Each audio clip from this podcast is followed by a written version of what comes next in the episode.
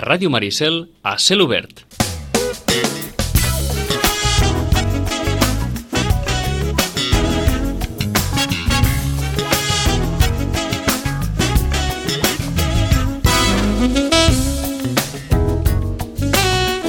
Si continuamos así, destruiremos la Unión Europea.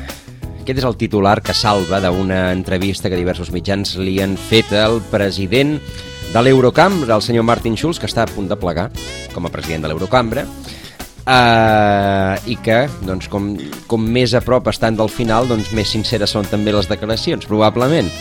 I és allò que passa, perquè clar, Jean-Claude Juncker ara, aquesta hora més o menys, està compareixent en aquest debat sobre l'estat de la Unió Europea, uh, que no sé si en dirà alguna de bona, perquè, bé, un, té una mica la sensació de que tot va pel pedregar, i precisament la conversa que teníem prèviament al, a l'inici d'aquest espai amb en Joaquim Millan ens ha portat, Joaquim, bon dia. Bon dia. Ens ha portat fins i tot a preguntar-li si és que en Joaquim Millan finalment es convertirà en un euroescèptic més. No, no, no, la veritat és que no, perquè mm, aviam, hi ha tres cosetes que penso que són interessants de comentar prèviament. La primera és que jo segueix, seguiré creient sempre en el projecte europeu. Mm, la Unió Europea és una eina per al projecte europeu que ha funcionat relativament eh, bé durant una etapa. Uh, jo, cre jo segueixo creient en l'ànima d'aquest projecte eh? Vull dir, jo crec que hi ha una ànima que, que, que, bueno, que l'origen el té quan, depèn, de que, depèn de com tothom ho, ho, ho, ho percebi o, ve, vegi però jo penso que uh, hi ha una ànima que neix uh, segons que s'acaba la Segona Guerra Mundial i Europa creu que uh, una espècie de persones que en Europa en aquell moment estaven pensant de bueno, què farem a partir d'ara i creuen que és important buscar un relat que ens ajudi a tindre esperances en aquell moment, que ens ajudi a construir un una Europa diferent, una Europa en futur que d'alguna manera intenti buscar més, eh, més poder allò que l'apropa i mm, uns camps de diàleg i de, i de negociacions constant que no les guerres que, bueno, que ja portàvem durant, durant els darrers anys eh, patint amb conseqüències com la Primera o la Segona Guerra Mundial. No? I per tant aquesta era una mica l'ànima. No?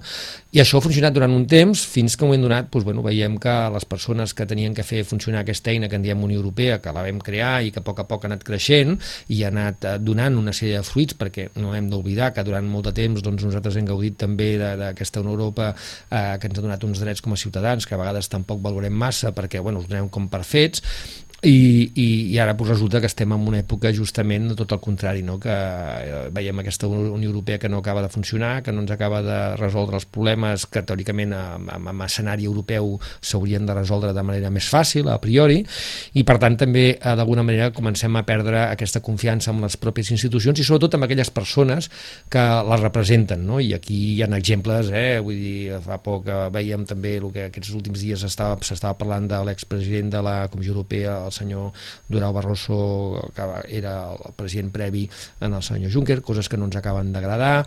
Mm, també aquests discursos que molt bé podríem subscriure'ls tots, però bueno, després els que els han d'executar són els 28 caps d'estat eh, i presidents de govern dels 28 membres d'aquesta Unió Europea, que després veiem que tothom fa el que li dona la gana, i per tant veiem que, o el que estàvem comentant també del tema dels refugiats, que tampoc s'ha donat una resposta, etc etc. Jo crec que estem dir, en no aquest punt. Donat, no s'ha donat resposta amb els refugiats ens, eh, i ara per repassar. Per tenim, primera vegada tenim, tenim un que marxa, sí. tenim un membre que marxa, això no havia passat mai, mai se li havia posat al cap, marxarà algun dia, el que dius, home, què un dius? Me, un membre marxa, el senyor Durau Barroso, el tema de, de, de l'Apple, a veure, a veure com, com ho acabem resolent. El tema del, el tema del roaming.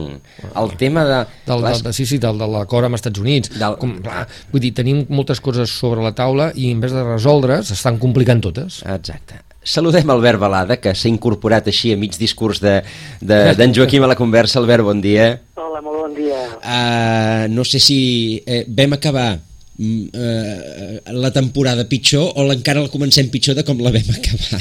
A, a veure, jo, jo ara, eh, no sé si és perquè comencem al setembre, i uh mhm. -huh. voldria posar-vos una, una mica d'esperança. De, Estava escoltant el discurs del, del Joaquim, que el subscric fil per randa, uh -huh. però clar, voldria, voldria dir el Joaquim feia referència, no?, com, com neix això a partir de, doncs, de les experiències de la Primera i Segona Guerra Mundial, segurament, malgrat tot, estem molt millor que el interín entre la Primera i la Segona i després de la Segona Guerra Mundial. Um, per tant, doncs bé, això ens hauria de reconfortar d'entrada, no? Mhm. Uh -huh. I bueno, estem, estem molt millor. Si parléssim amb nosaltres mateixos i que haguéssim existit llavors, doncs ens sorprendríem de lo bé que estem. Quin, quin és el problema? Doncs que tenim molta més capacitat de raonament, la societat està molt més formada i som capaços de percebre que aquest pas endavant que s'hauria d'haver fet no s'ha fet. Uh -huh. I, i, tenim aquesta percepció de que en els últims 10-15 anys eh, s'ha perdut una mica eh, el temps burocràtic, diríem, no? Hem estat doncs, fent el que ja es venien fent, que ja està molt bé, perquè fixeu-vos, és a dir, podem anar nosaltres a treballar a França quan abans eh, s'havia de fer una crida des de França per contracte, recordeu, els que anaven a la marema francesa, per posar un exemple, no? Sí. I, i, i podien tenir, tenir un permís de residència molt petitet, al temps de la marema, i tornar cap aquí, no et quedessis pas, això no passa.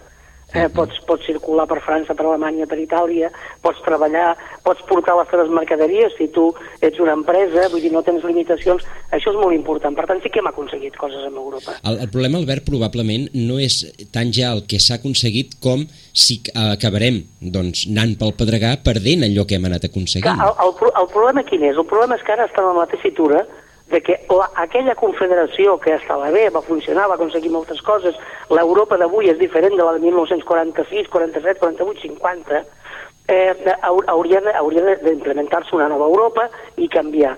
No sé si estan per la labor. Aquesta és la crítica que el Joaquim d'alguna manera feia, no? Mhm. I bueno, hi ha grans discursos polítics, però després cada estat fa el que li sembla, no? Aquest és el problema. Heu, heu, vist, Correcte, heu correcte. vist el país avui? Jo no l'he vist el país, no, l'he no, he llegit la premsa és que en, entrevisten el president del Parlament eh, Europeu, el senyor Martin Sí. Schulz, i el titular, el titular és fulminant. Si continuamos así, destruiremos la Unión Europea. Home, jo, jo no, a veure, no, no coincideixo eh, amb el que diu, el que diu ell. Jo, jo heu vist que us he fet un discurs, diguem, uh Mhm. -huh. d'alguna manera benèfic, amb el sentit de dir no, no, no, no està malament aquesta Europa que nosaltres tenim. Quin és el problema d'aquesta Europa que nosaltres tenim? Que és una Europa excessivament burocratitzada, que no ha tingut una transferència de sobirania suficient perquè pogués prendre decisions i que, per tant, es complica la presa de decisions, amb, a vegades amb temes molt més simples, és a dir, no cal que anem als grans temes que, dels que ja ha parlat el Joaquim, no? en temes molt més simples que es fan molt complicats. Només cal que vegueu la, la qüestió grega, no? ara fa dies que no se'n parla, se'n tornarà a parlar, suposo, d'aquí 15 o 20 dies, eh, són temes que no haurien de ser tan complexos, són temes complexos, eh? no, no, no ens pensem que és un tema d'anar per casa, no? no són temes realment complexos, però no són tan complexes les preses de decisions com ens les volen fer veure. Suposo que Schulz parla, parla d'això, però clar, ja ha de magnificar una mica. De fet, m'hauria agradat que el, el senyor Schulz o algú altre hagués dit aquestes mateixes paraules fa 20 anys, quan I el. Parlament, quan el Parlament no pintava res eh, i, i ningú es queixava i a tothom li anava bé, no?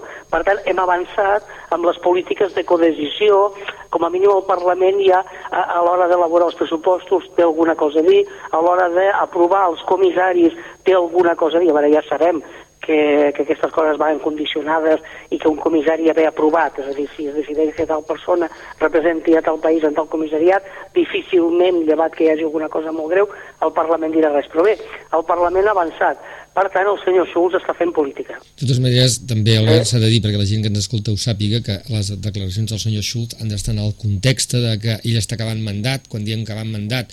El mandat europeu són 5 anys, però hi ha un pacte que ja el president Sí, són dos anys sí. i mig, dos anys i mig, i també aquest senyor està pensant en clau futura. Jo plego d'aquí i ara haig de ser una mica, haig d'entrar una altra vegada, amb, amb, amb, perquè ara fins ara era el president de la càmera, una mica, ets una mica més neutre, en tot cas, i parles en nom de tots, però ara ja està una mica fent campanya, perquè ens enten- entenguem per al seu Ah. proper pas polític, no? Estic totalment d'acord amb tu. O sigui, ara, ara s'està ell eh, intentant obrir un seguit de portes a partir doncs, de, de, de, fer un, doncs, un plantejament polític, no? O, o, o, o quedar-se dintre del Parlament com a cap del grup, o eh, Recordem que a la campanya europea ell era el candidat que després va ser president de la Comissió Europea el senyor Juncker, perquè va Sí. guanyar majoria eh, conservadora, era el Sí. candidat per al càrrec que està ocupant el senyor Juncker per part dels socialdemòcrates europeus. Clar, clar, clar, sí, sí, sí, no, està clar. I per tant, re recupera aquella funció de portaveu que tornarà a tenir. De Correcte, fet, o sigui, correcte. i amb, amb aquests dos anys i mig que li queden, ell assumirà la funció de portaveu i per tant ja, ja d'entrada ja marxa sent crític, no? Però- però, clar, i, eh, però, però veus, és allò que tu parlaves, Joaquim. Uh, uh, aquesta crítica que fas ara, eh, fas ara, dic, dic, dic uh, Schulz, eh? eh, mm, per què no me la fas al principi del mandat, que estaria molt millor?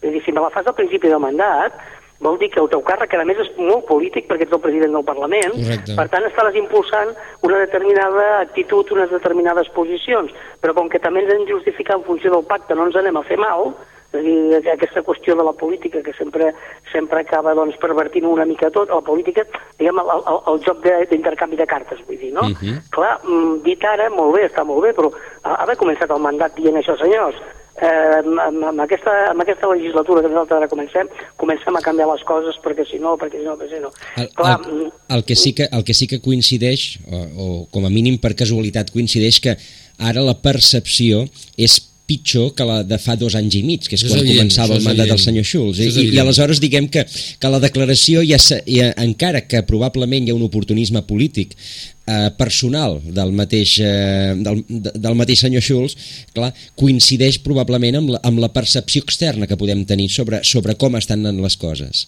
Clar, perquè el, senyor Schulz no està parlant pels catalans o pels espanyols, Evident. sinó que està parlant pels alemanys i pels francesos, Ah, exacte. que, que estan tenint una percepció de recessió molt forta, tot i que el seu nivell d'atur està entre el 8 i el 10%, vull dir que ja ho voldríem nosaltres, no? Però clar, eh, per amb ells és un fracàs aquests nivells d'atur, el, els problemes de- d'encaix de la Unió Europea dintre de la geoestratègia i la geopolítica internacional, tot aquest tipus de casos, perquè el senyor Schulz s'està dirigint amb aquestes persones, o sigui, els dels països fonamentalment, jo diria, França, França i Alemanya. Eh, eh, no oblideu també que a Alemanya estan en campanyes electorals. Eh, el, el partit governant, la CDU, la CSU, està rebent i força. Per tant, estan intentant posicionar-se d'alguna manera. França aviat també tindrà eleccions. Eh, diguem, és, és un missatge que no té res que veure amb Europa, per mi. Té que veure amb, amb ell, com, com bé diu el Joaquim, és a dir, per, per la, la, la, la resta que li queda de, de, de jugada política dintre del Parlament, i diré que fins i tot futura, eh? O sigui, dos anys Sí, i mig sí, més, clar. més, més el que vagi després, i després totes les campanyes electorals en les que es trobaran immersos a França i a Alemanya. Per tant, eh, Europa con, continuem patint de lo mateix, o sigui, la- l'Europa federal que ells diuen que és, no és, i, i, i els ciutadans se'n dona compte d'això. És a dir, el que ell està dient no és el que diu el ciutadà. Mm. O sigui, el ciutadà coincideix el discurs, eh, coincideix el missatge, però és que resulta que no, no, no, no estem dient el mateix. O sigui, el Joaquim, quan estava parlant, es queixava d'una altra cosa que no és precisament del que es queixa el senyor Schulz. Ah, M'ha cridat l'atenció una cosa que, que, ha que ha comentat l'Albert en, aqu- eh, en el sentit de mm, la dificultat en la presa de decisions, és a dir, la dificultat que la, que la Unió Europea decideixi definitivament una cosa. Ha posat l'exemple grec, però clar, el cas grec és, és un cas complicat, però és que a mi m'ha vingut a més un, un cas que probablement l'establiment d'una eh, eh, d'una solució seria molt més senzill, el cas del roaming. Eh, que ha estat, que, eh, eh, ha, ha estat paradoxal, és a dir, portem 5 anys dient el roaming s'ha d'acabar, el roaming s'ha d'acabar, el roaming s'ha d'acabar, fins i tot es va ajornar per donar temps, no sé què, i ara de cop i volta, en dos o tres setmanes, ens trobem amb dues mesures contradictòries provinents de la mateixa comissió. Sí, però a més, fixeu-vos en una cosa, ningú s'ha plantejat, perquè no ens ho plancem per raons òbvies, perquè entenem els drets com una altra cosa, però la qüestió del roaming és un dret fonamental. Clar, O sigui, eh, el tema de la comunicació, ja, ja sé, eh, estem entrant en un, en un àmbit que algú diu, home, això no és un dret eh, ni, ni una llibertat en qualsevol. Sí, sí, sí que ho és, perquè és un instrument de comunicació, és algo que ja va amb nosaltres, és, ens és molt difícil. Jo crec que gairebé ningú no té un, un telèfon mòbil de les característiques que sigui sobre la taula. Eh, potser no ens movem tots per, per la Unió Europea, però sí que hi ha molt, molta mobilitat. Si nosaltres, com a persones, ens podem moure sense cap tipus de restricció, també s'han de poder moure les comunicacions. Per tant, això del roaming ja hauria d'haver estat solucionat fa 20 anys. Clar, el que, el, el que passa és que després prenen una, una decisió conjuntural de dir, doncs només dur- durant tres mesos, després surt algú i diu, escolti, això no pot ser, i clar, dona una Ah. sensació d'improvisació.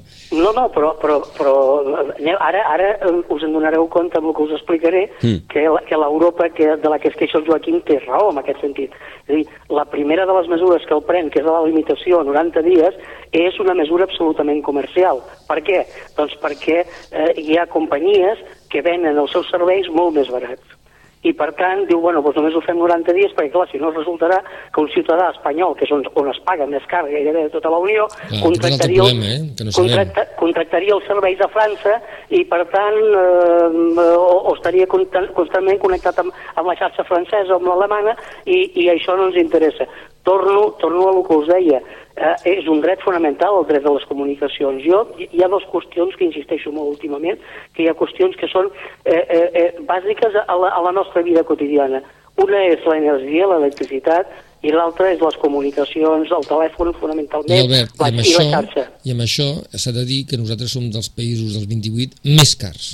Clar, però, però, Tenint en però, compte el, el, el, diguéssim, el preu mitjà de salari. Mm? Però- és a dir, però si que la gent calcula el que paga de telèfon, Però a el que gas, va- electricitat i aigua, que, que quin a percentatge dir- és del sou? El que et vaig a dir ara, eh, Joaquim, eh, ho trobaràs revolucionari, perquè eh, soc dels que crec que això no ens hauria de costar res, que hauria de ser gratuït, perquè, mm, diguem, la- l'explotació o els costos d'explotació d'aquesta energia, que a més és pública, en molts, en molts casos no, sempre és pública, Eh, l'aigua és, és una qüestió pública, l'energia que produeix la llum és pública, encara que la gestionin empreses semipúbliques o privades, o sigui, la gestionen, eh, a nosaltres ens l'estan fent pagar a preu d'or. És això el que s'està posant en qüestió. Està calculat que amb l'energia solar que tenim aquí, amb els dies de sol que tenim als anys, almenys l'energia personal de cadascú a casa seva eh, no tindria Estaria, cost. estaria coberta. Estaria O coberta, sigui, no tindria cost. És a dir, la, Bueno, per, per les eh, dues hores que encenem la llum quan arribem a casa per sopar i dutxar-nos i cuinar, no tindria la, cost. Vens a la meva idea, eh, i, però fixa't, eh, fins i tot amb les, amb les actuals estructures tampoc n'hauria de tenir, perquè ja les hem pagat i superpagat i res que t'he pagat. Home, però, però som els beneficis fan altres inversions a vegades en fallida a, a, a no sé on al mig del món mundial, m'entens? No? En vez Vale, de però- reinvertir aquí. Vale, però, però, però aquest és el problema d'aquestes empreses. És a dir, el que, és, que ens estan dient és que no, no, no pagueu tant pel consum, perquè el consum és barat. Esteu pagant doncs, per l'estructura que es necessita per moure tota aquesta energia. Això és fals. Això és fals, perquè a més a més l'estructura aquí no inverteixen perquè se- s'acaba patant l'estructura aquí, amb la qual els diners han anat, no? Doncs, doncs, doncs passa igual amb l'energia com passa igual amb les comunicacions. Les comunicacions eh, és, és algo del que s'han apropiat els estats i ho han cedit a, eh, diguem, a administradors d'aquesta història. Per tant, eh, eh, tot, tot el que està passant a Europa és perquè s'estan posant en qüestions coses com aquestes. Eh, no estan a la palestra, eh? Vull dir, no, no, no estan sobre la taula, però en realitat sí que hi són. És dir, eh, l'energia a nosaltres és caríssima. Eh, Els francesos ja la troben cara i és molt més barata que la nostra i als alemanys els hi passa igual. És algo que ens estem qüestionant. I és algo que la Unió Europea hauria tingut que entrar a resoldre i no pot.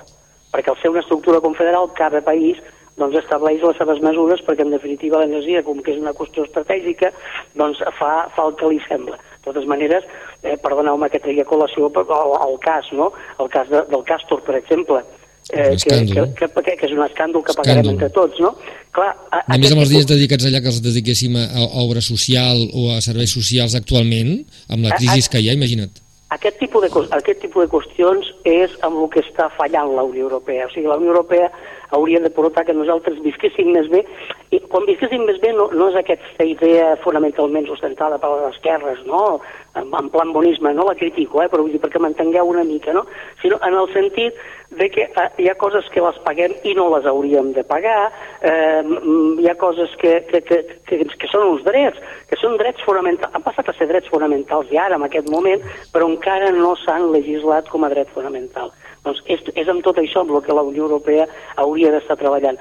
Per això el discurs de Schulz eh, no és el que tu estàs dient, el que jo estic no, no, dient, no. encara que t'assembli, està parlant d'una altra cosa. Ens està, ens està parlant de la seva perspectiva personal, de la perspectiva del Partit Socialista Europeu, però no està parlant d'aquestes coses que afecten els ciutadans. Però cada vegada més el ciutadà és conscient de que hi ha coses que li afecten i que no li resolen. Uh, Albert, el, el tema d'Apple, com, com, ens ho hem, com ens ho hem de prendre, el que ha passat amb la, amb la reclamació dels 13.000 milions d'euros? A veure, jo, jo aquesta, a, a, aquests conflictes en els que entra la, la, la Unió Europea eh, respecte de, de les grans empreses que s'ubiquen en un lloc o en un altre, o que utilitzen eh, xarxa, o que utilitzen eh, elements o que utilitzen dades, jo crec que és un, una qüestió d'hi- d'hipocresia política.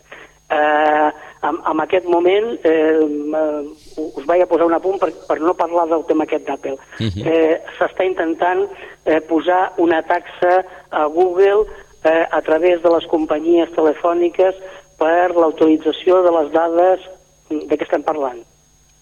Eh, tornem, a- això és una qüestió d'instrument de, de, d'estat. I com que és una qüestió d'instrument d'estat ningú hi ha de tenir benefici i ningú hi ha de guanyar, és a dir, només hi poden guanyar les societats instrumentals, en aquest cas Apple, en aquest cas Google, amb la seva gestió política, però a partir d'aquí, i fins i tot, perdoneu, eh, eh, quan, quan amb la instal·lació de les empreses als llocs on hi hagi una fiscalitat menor, eh, si qualsevol de nosaltres tres tinguéssim una empresa, que no buscaríem la fiscalitat menor uh -huh. per a la nostra empresa? El problema és que la Unió Europea deixi que hi hagi llocs amb fiscalitat menor.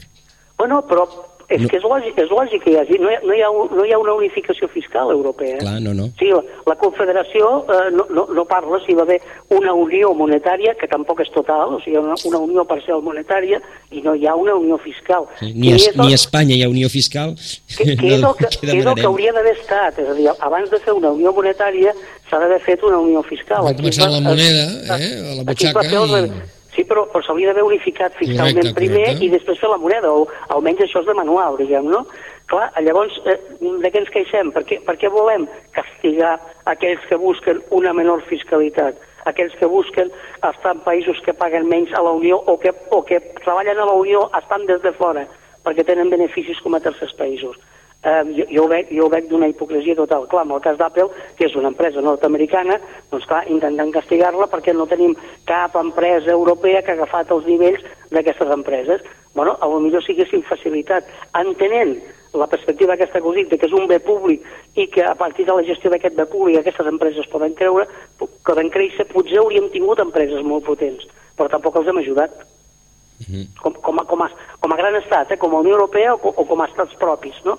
No, no, no s'hi va creure. Bueno, amb el cas de França eh, van ajudar aquella empresa que es deia, aquella empresa, aquell consorci que es deia Meditel, Mhm. però, però, però bueno, com que era francès els alemanys no ho volien i no es va implementar i per tant bueno, doncs no, no vam tindre una, una gran xarxa d'internet pròpiament europea. No? Bueno, doncs, ens hem equivocat molt, en els últims 25-30 anys ens hem equivocat moltíssim. Moltes batalletes internes sense una aposta europea clara. Ja. Clar, però, però és, és raonable, és a dir, la, la, la, els polítics europeus s'omplen la boca d'Europa, però clar, és que l'Europa que decideix en determinades coses no existeix. Per, no, perquè no pot existir, perquè no té competències per això. El que passa que ha de fer veure que sí que les té i que, i que coordina les mesures dels diferents països, però en realitat no té aquesta competència. Per tant, eh, bueno, és, és, és, és molt complicat per, per mi, per un politòleg, escoltar determinades afirmacions dels polítics, no? Perquè dius, eh, però què m'estàs dient? Si amb això eh, no tenies competències però hauries pogut fer i amb això tens competències i no has fet, de què estàs parlant? Certament. És a dir, que al final ens trobem en què eh, Apple tindrà una certa raó, malgrat que s'ha aprofitat d'una situació eh, donada per un país que bé, que, que té en aquesta, en aquesta fiscalitat menor doncs el seu... Eh, Bueno, però, però quin, quin, quin greu ja hi ha? Jo to- us torno a posar l'exemple inicial. És Sí, a dir, sí. qualsevol dels tres tinguéssim una empresa, buscaríem la fiscalitat menor. Sens Eh, dubte. és, és, una- és una qüestió de, de, de principi. I de fet el, el president de la Comissió Europea eh, no deixa d'es- de- d'haver estat primer ministre d'un lloc que també, també té fiscalitats baixes. Clar, però, dir, perquè, perquè les pot tenir, és a dir, se, se l'acusava, no? si, les, si les puc tenir, el, el meu estat pot aplicar el tipus de fiscalitat que cregui, perquè això no, no està transferit a la Unió, per tant, ho puc fer. I, i, i diguem, des del punt de vista de l'empresari, de, de, de, de l'entramat empresarial, sempre es buscarà la fiscalitat menor. Eh, és una qüestió raonable, és a dir, eh, d'acord, tots volem contribuir, que és aquesta, qüestió bonista, no? Tots hem de contribuir, però bueno, eh, això no deixa de ser una càrrega amb el meu balanç, eh, el compte de resultats. Per tant, contra menys pagui, haig de contribuir, però si puc contribuir menys, doncs, eh, doncs millor. Doncs això és una qüestió, una qüestió raonable jo, i no crec que sigui reprovable. Una altra cosa és que t'escapis de pagar, que no paguis, que facis artifugis eh, eh, artificials, bueno, però no estem parlant d'això, estem parlant de fiscalitats molt concretes. Eh, jo, jo crec que en el fons aquí què s'amaga? Eh, Apple és un gegant, Google és un gegant de, eh, que avui estan dominant el mercat eh, Mhm. interna internacional i nosaltres no, no, no tenim fabricants d'ordinadors com, com Apple, ni, ni, ni, ni, ni sistemes d'investigació com els que tenen ells implementats, eh, que a més estan en coordinació amb les amb, amb l'estat americà, vull dir, i investigant, no? Eh, Se'ns ha escapat. Bueno, doncs ara què farem? Doncs mira, ens enfadem i els castiguem, no? Uh -huh. Bueno, pues, és, una, és una manera de fer-ho, però al final es veu molt o, o almenys alguns ho veien molt. És, és la vella Europa, en el, en el sentit pejora, pejoratiu. Pejoratiu, que vegades... efe, efectivament. I, I com que jo no ho he fet, m'enfado i castigo aquells que ho han fet. Uh -huh. Bueno, eh, pues, pues, pues, pues t'han passat la mà per la cara, és a dir, doncs hi ha, hi ha, hi ha una empreseta molt petita que era Apple que s'ha convertit en un monstre mundial i, i avui en dia no té competidor. Bueno, pues, pues, pues fes-t'ho mirar a Europa, uh mhm. -huh. que no tinguis, no hagis sigut capaç d'implementar polítiques perquè puguis tindre també monstres de la, de la producció d'instruments informàtics. No? I a més a més, Europa, com no prengui nota, va tard perquè el 90% del creixement econòmic mundial dels propers anys es produirà fora de la Unió Europea. Vull dir, amb allò que avui en dia encara som capdavanters, com no ens espavilem i ja comencem a anar tard, acabarem perdent aquesta, eh, aquesta situació privilegiada, diguem-ne, de, de, en tot cas de monstre comercial, econòmic, de, de, de, eh, mundial, que, que l'estem perdent els darrers anys i, i que em sembla que vull dir, ja, no, ja és irreversible, això, em sembla, no? Sí, sí o, o, o, ens, o ens aventurem a fer aliances potents, aliances puntuals, eh? no, ja no parlo de les macroaliances de, diguem, de, de, del segle XVII o XVIII, eh? parlo d'aliances eh, comercials, eh, aliances d'investigació, o, o no farem res. És a dir, veure, una, una de les aliances de les que s'ha parlat molt poc darrerament és l'aliança militar dels Estats Units i la Unió Soviètica, eh, Soviètica perdoneu, Rússia, a, a Síria. Això té alguna cosa més que veure que amb la guerra siriana. Eh? Té, té la qüestió de posar en comú investigació militar, avanços amb, amb, amb recerca militar, eh, bé, no, no, no, no sé si hem d'anar nosaltres per aquí, però, però com a mínim en els camps en els que puguem ser punters sí que hi hauríem d'anar nosaltres, és a dir, a fer aliances per poder créixer encara una mica més. Jo veig que la Unió Europea només vol sortir la foto i poca cosa més. Uh, no tenim més temps perquè uh, l'Albert Balada doncs, uh, tenia un altre, un altre compromís. Deixarem, deixarem diguem, a sobre de la taula un tema que també podríem haver tret avui però probablement no, no teníem temps per parlar-ne, que és el TTIP.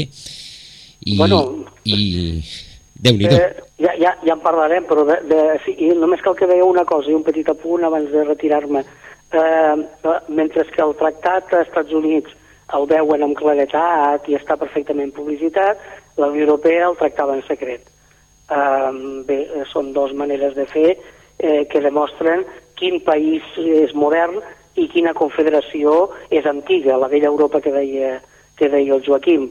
És dir, mm, són maneres de fer, el tractat jo crec que no arribarà a bon termini, però és que Europa ho està fent tan malament, tan malament com pot. I eh, ningú, ningú dels estaments polítics s'aixeca a dir-ho. S'aixeca a dir-ho. Això és el més greu encara, perquè dius, bueno, tinguéssim la percepció nosaltres, però ells no tenen aquesta percepció i això és greu. Doncs eh, Albert Balada, eh, moltíssimes gràcies de nou, eh, el nostre politòleg en aquests, eh, en aquests anàlisis més o menys mensuals que fem eh, en el marc de la, de la Unió Europea, us ho agraïm i en parlarem del TTIP i del que vingui després d'això, d'aquest discurs d'en Juncker i, de, i del Brexit i de Grècia, que entre 10 i 15 dies ens heu dit que, que ens sentirem a parlar. És un plaer de parlar sempre amb vosaltres. Moltes gràcies. Bon dia, Albert. Bon dia.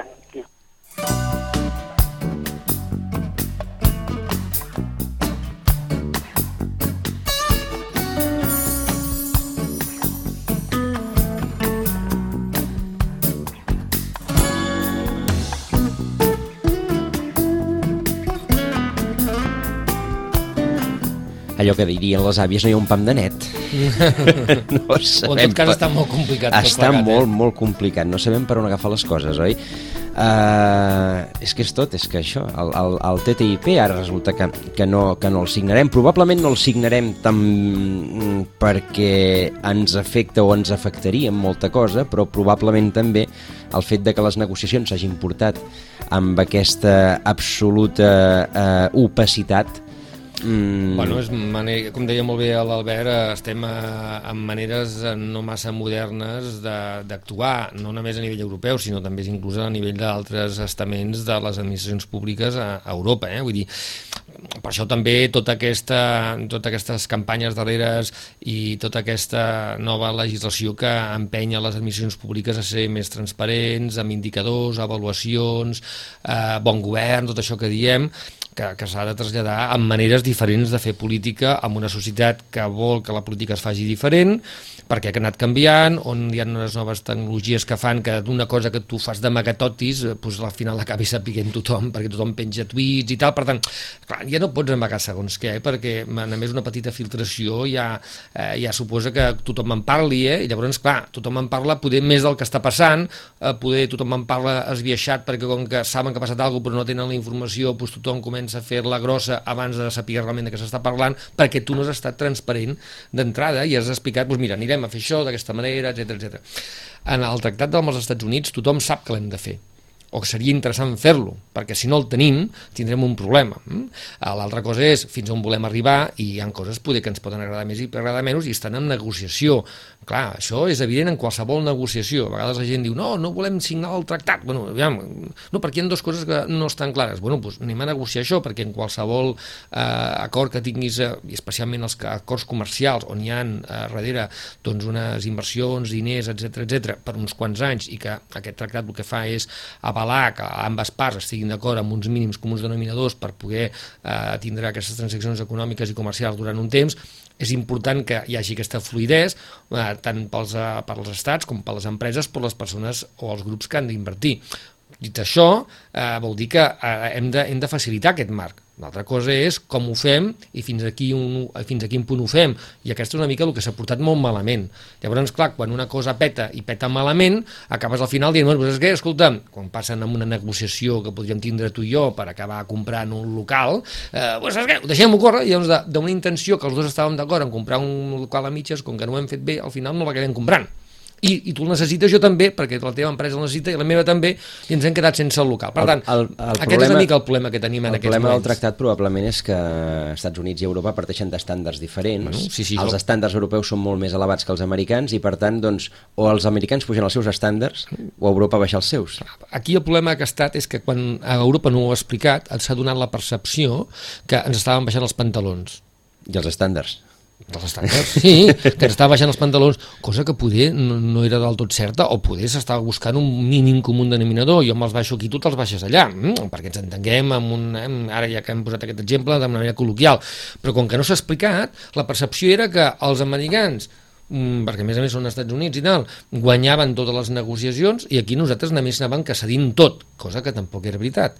Justament perquè aquí no hem estat transparents. Llavors, clar, quan tu no expliques bé la versió, eh, doncs, doncs hi ha 25 versions diferents. I ai, ara, ai, la transparència. Ah, la transparència. La transparència fa que, que, que després, esclar, Ràdio Macuto funcioni. Per tant, jo crec que aquest és un error de funcionament i aquest és un exemple i podríem traslladar-ho a milions d'exemples, inclús a vegades molt, exemples molt casolans que podem tindre propers. No? És una manera de funcionar molt diferent. Eh?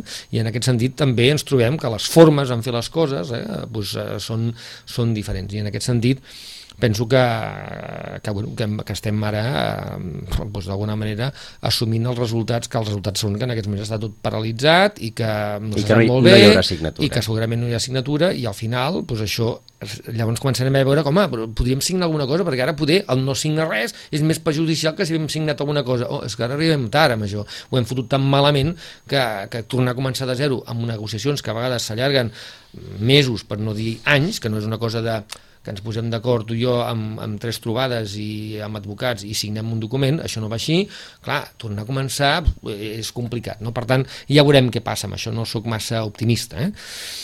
I una mica tornant una mica el que parlàvem al principi del programa, jo penso que eh, estem vivint una mica el, el, no l'acabament del projecte de la Unió Europea, em, em resisteixo a pensar això, eh, no sóc tan dràstic com el, com el Martin Schulz, però sí que és veritat que s'ha de posar a la veu d'alerta perquè, mm, aviam, les coses no van, no van bé, Mm? I, i dona la sensació inclús entre tu i jo que inclús els que estem a favor de, de, de, de, de l'ànima europea diguem, encara podrien anar pitjor eh? per tant, eh, intentem, eh, jo crec que intentem veure que les coses no s'han fet, bé, no s'han fet bé i a mi el que em preocupa és que la política europea portada amb, amb, amb, amb terminis i, amb, i d'alguna manera amb pensaments i amb estratègies molt locals, perquè al final les eleccions són locals, no són europees, però llavors seria diferent. Eh, les, les eleccions europees em refereixo que realment hi hagués el govern europeu que es votés i dius, bueno, jo tinc que donar explicacions a qui m'ha votat, tu al final estàs donant explicacions a qui et vota cada 4 anys i, i, i, i punt, no? En principi eh, parlem molt d'Europa, però al final els compromisos els tenim més lligats a les eleccions nostres perquè si no ens fan fora, no? Jo penso que aquest és un tema que, que, que hem perdut aquesta, aquesta generositat de fer política europea que durant una època va haver-hi i per mi el, el punt d'inflexió ja va ser quan eh, parlàvem nosaltres per un tractat pel qual s'establia una Constitució Europea, que això sí que hagués donat cos a l'ànima europea, de dir, bueno, ara ja podem donar un cos a aquesta ànima europea pels ciutadans, és a dir, tenim una Constitució Europea, la gent hagués pogut creure una miqueta més el projecte en plan ciutadà, haguéssim pogut pensar que, home, aquesta Unió Europea mm, eh, era una, europea, una Unió Europea més, o com a mínim, tenia més en compte que abans els ciutadans, no només l'Europa aquella dels mercaders que en una època es havia dit i tal, això jo crec que per mi va ser un, un punt d'inflexió important, després també, és clar, vam, vam ampliar eh, de 15 a 25, de 25, 27, 28, sense realment haver aprofundit i ens hem donat compte que, clar, que una vegada passada 15 a 28, eh, en pocs anys, sense haver aprofundit i, i haver canviat les regles de joc, ens ha suposat problemes com quan van arribar la crisi econòmica, que no teníem les eines per poder resoldre una crisi econòmica a, a, a nivell mundial, però que a Europa cadascú pues, teníem una moneda, però sense, com deia molt bé, a l'haver la, la Unió Monetària acabada, el tema fiscal, pues, bueno, encara seguim que ningú en vol parlar perquè cada que el toquem, mm, ai, ai, ai, ui, ui, ui, i després ja d'alguna manera eh, la crisi econòmica ens ha portat a parlar de Grècia com així també sembla que quan parlem de Grècia no parlem de, de nosaltres ni d'aquells ni dels altres sí, la crisi econòmica, no, Grècia, Grècia com si el problema de, de, la, de la crisi econòmica al final a nivell europeu eh, només el té Grècia, els altres anem bé cosa que no és veritat, però així també ens ho expliquen i així també ens ho creiem no? que, que el problema el té Grècia i aviam què passa no? quan resulta que Grècia potser és el que està en una situació més fotuda però bueno, el, el resto no ens pensem eh, que estem massa bé, aquí anem tirant perquè on que anem, mm, eh, anem buscant la bossa de les pensions i anem traient calés, doncs anem quadrant els pressupostos, així també quadraré jo els meus pressupostos, m'entens? Per tant, eh, i, i els altres estats fan altres coses, no? Per tant, eh, no, no anem bé en aquest sentit, eh? ja ho ha dit també a la Unió Europea, bueno, quan hi hagi govern aquí algun dia, doncs hauran de prendre decisions i algunes d'elles no seran agradables, eh? i fins ara ens estan una mica perdonant perquè estem en aquesta època eh, de, de, de govern en funció funcions o no sé massa bé com explicar-ho, eh, que potser la gent ja li va bé perquè diu, mira, resulta, com que no prenen decisions no la caguen massa, no? Eh, per tant, anem tirant. Eh, I després el Brexit, jo crec que el punt ja final d'aquest procés que jo estava explicant ara de diverses coses que han passat els darrers anys és el Brexit. El Brexit no tan sols pel que significa, sinó perquè és la primera vegada que realment hi ha un estat que pren la decisió i els ciutadans dels estats han votat, equivocadament o no, ja es veurà, de, de, de, de que això la Unió Europea ja no era un projecte que d'alguna manera apostessin per ell, no? Eh, també és veritat que els britànics sempre han estat amb un peu a Europa i amb un peu nosaltres som, eh, eh anem a banda, però, però bueno, al final l'empresa és una decisió que ja veurem les conseqüències que aporta, de moment està on està el procés d'aquests dos anys, ja veurem, i també és veritat que ells estan jugant en aquests moments en una època on Europa eh, no és massa forta. I ara, tant... farà, ara farà dos mesos que els britànics van votar uh mhm. -huh. i fora de la primera setmana, que sé que se'n sí, sí, va parlar sí. força, no s'ha durant Ai. aquests dos mesos gairebé no s'ha dit jo, res. Jo ja ho vaig dir, hi havia gent que deia, oh, si perquè també tot havia una sèrie de gent que d'una manera eh, clarament eh, perversa... I va sortir el Juncker dient, doncs que marxin ja. Clar, inclús, I, i al final... Inclús els francesos i els alemans deien, bueno, si volen marxar, mm, ara anem en sèrio, anem, anem a alguna... Vull dir, perquè els britànics també han dit, bueno, tenim no, temps... No han activat ja l'article aquell, no sé si era el 50, no sé quin article ah, era, però no, no, no l'han activat encara. O, o inclús aquí, totes les campanyes que es van fer de segons quins partits polítics, pensant més eh, amb, amb el que passaria si Catalunya marxés que en plan europeu, però aquestes coses també no les entenc, quan parlem d'Europa, parlem d'Europa, però bueno, havia gent que no, perquè clar, si feu-vos els catalans no hauríeu de marxar perquè els britànics marxaran i, i, i si marxen això s'acaba i eh, es quedaran tots eh, a l'atur i no sé quantes coses passaran, que no passa res de tot això O sigui, vull dir que, per tant, a vegades es diuen coses que, si tinguessin a mirar les hemeroteques, tothom se les hauria de menjar amb patates, no? perquè la gent té una facilitat en dir tonteries impressionants. No?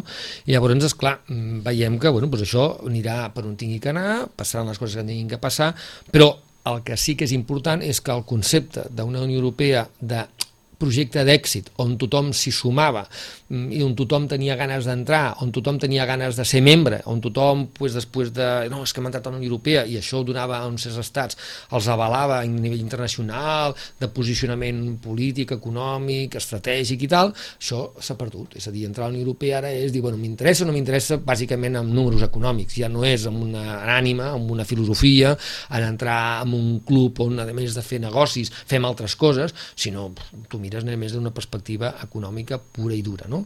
I llavors, això és una mica el que a mi, eh, com a europeista convençut d'aquesta ànima d'Europa, a mi em fa mal perquè penso que realment ens, eh, si això és així, doncs la Unió Europea que amb la qual jo apostava mm, desapareix m'entens? Desapareix, perquè desapareixerà la Europa real dels drets, ja ho veiem darrerament quin valor se'ls estan donant, etc etc etc. Una sèrie de coses que per, la, per, la, per les quals jo penso que encara cal lluitar per aquesta Europa, perquè si perdem això, com a ciutadans, perdem també, eh? Mm. perdem els de Sitges, perdem els de, els de Montpellier, i parla, parlem, perden els de Bremen. Ara, ara diré una bestiesa, no seria bo fer-ne una de nova? Bueno, a vegades eh, més val... Saps el que a vegades com en tots els processos, aviam, poder no és l'exemple millor, eh? però, però a vegades passa, eh? fins que no toques fondo no tornes a renovar, eh? tots ens passa a nosaltres, eh? fins que no, no ens acabem d'enfonsar en un tema que hi pensem i lluirem, doncs igual ens, re, ens reinventem amb una altra cosa i dius, ostres, eh, fins que no he sortit d'aquesta zona de confort no m'he reinventat amb un projecte que és engrescador i tal. Poder Europa necessita, eh, vull dir que realment els ciutadans se'n donin compte que si, la, que si perdem aquesta Europa amb aquesta ànima, perdem els ciutadans i això els ciutadans no en són conscients, eh? perquè tampoc se'n parla massa i perquè també és veritat que a nivell mediàtic i a nivell polític, quan es parla d'Europa sempre es parla perversament eh, tenint en compte eh, els interessos que tingui cadascú. Mm? Eh, I això és, eh, a mi, és la pèrdua de confiança en el projecte europeu de la classe política mm, és brutal. Però és la imatge que transpua la pròpia Europa o els propis representants d'Europa. Aquest és el problema. I per tant, els ciutadans, al final, escolta'm, amb els problemes que arribem a tenir, tothom acaba pensant que hi ha de lo millor, que també això pot ser maco o no, però al final tu tens els teus problemes cada dia i al final el que vols és que es resolguin, doncs el que estava dient l'Albert perfectament. Si la Unió Europea, a part d'aquests discursos que poder uns que hi creiem més o creiem menys doncs ens agraden, etc etc. però si no li donem contingut, de què ens serveixen? Si el ciutadà veu això del roaming, o si veu que molt bé, però escolta'm, jo a Europa què està fent quan a mi em casquen el que em casquen a, a les, a, a les a, a, factures a, per pagar l'energia, la comunicació, etc quan aquest tema poder a nivell europeu es resoldria d'una manera que a mi em facilitaria la vida. Mm. Per exemple, eh? Hi ha molts interessos. Ara, Joaquim, ara. masses. Moltes gràcies. A una vosaltres. nova hora d'Europa, com sempre, amb, amb el suport de la representació de la Comissió Europea a Barcelona i a l'Oficina del Parlament Europeu a Barcelona i la col·laboració, com sempre, d'Eurolocal. Joaquim Millan, t'esperem el mes que ve. Gràcies, fins al propera. I a tots vostès, 5 minuts, notícies amb la xarxa i més coses. Fins ara.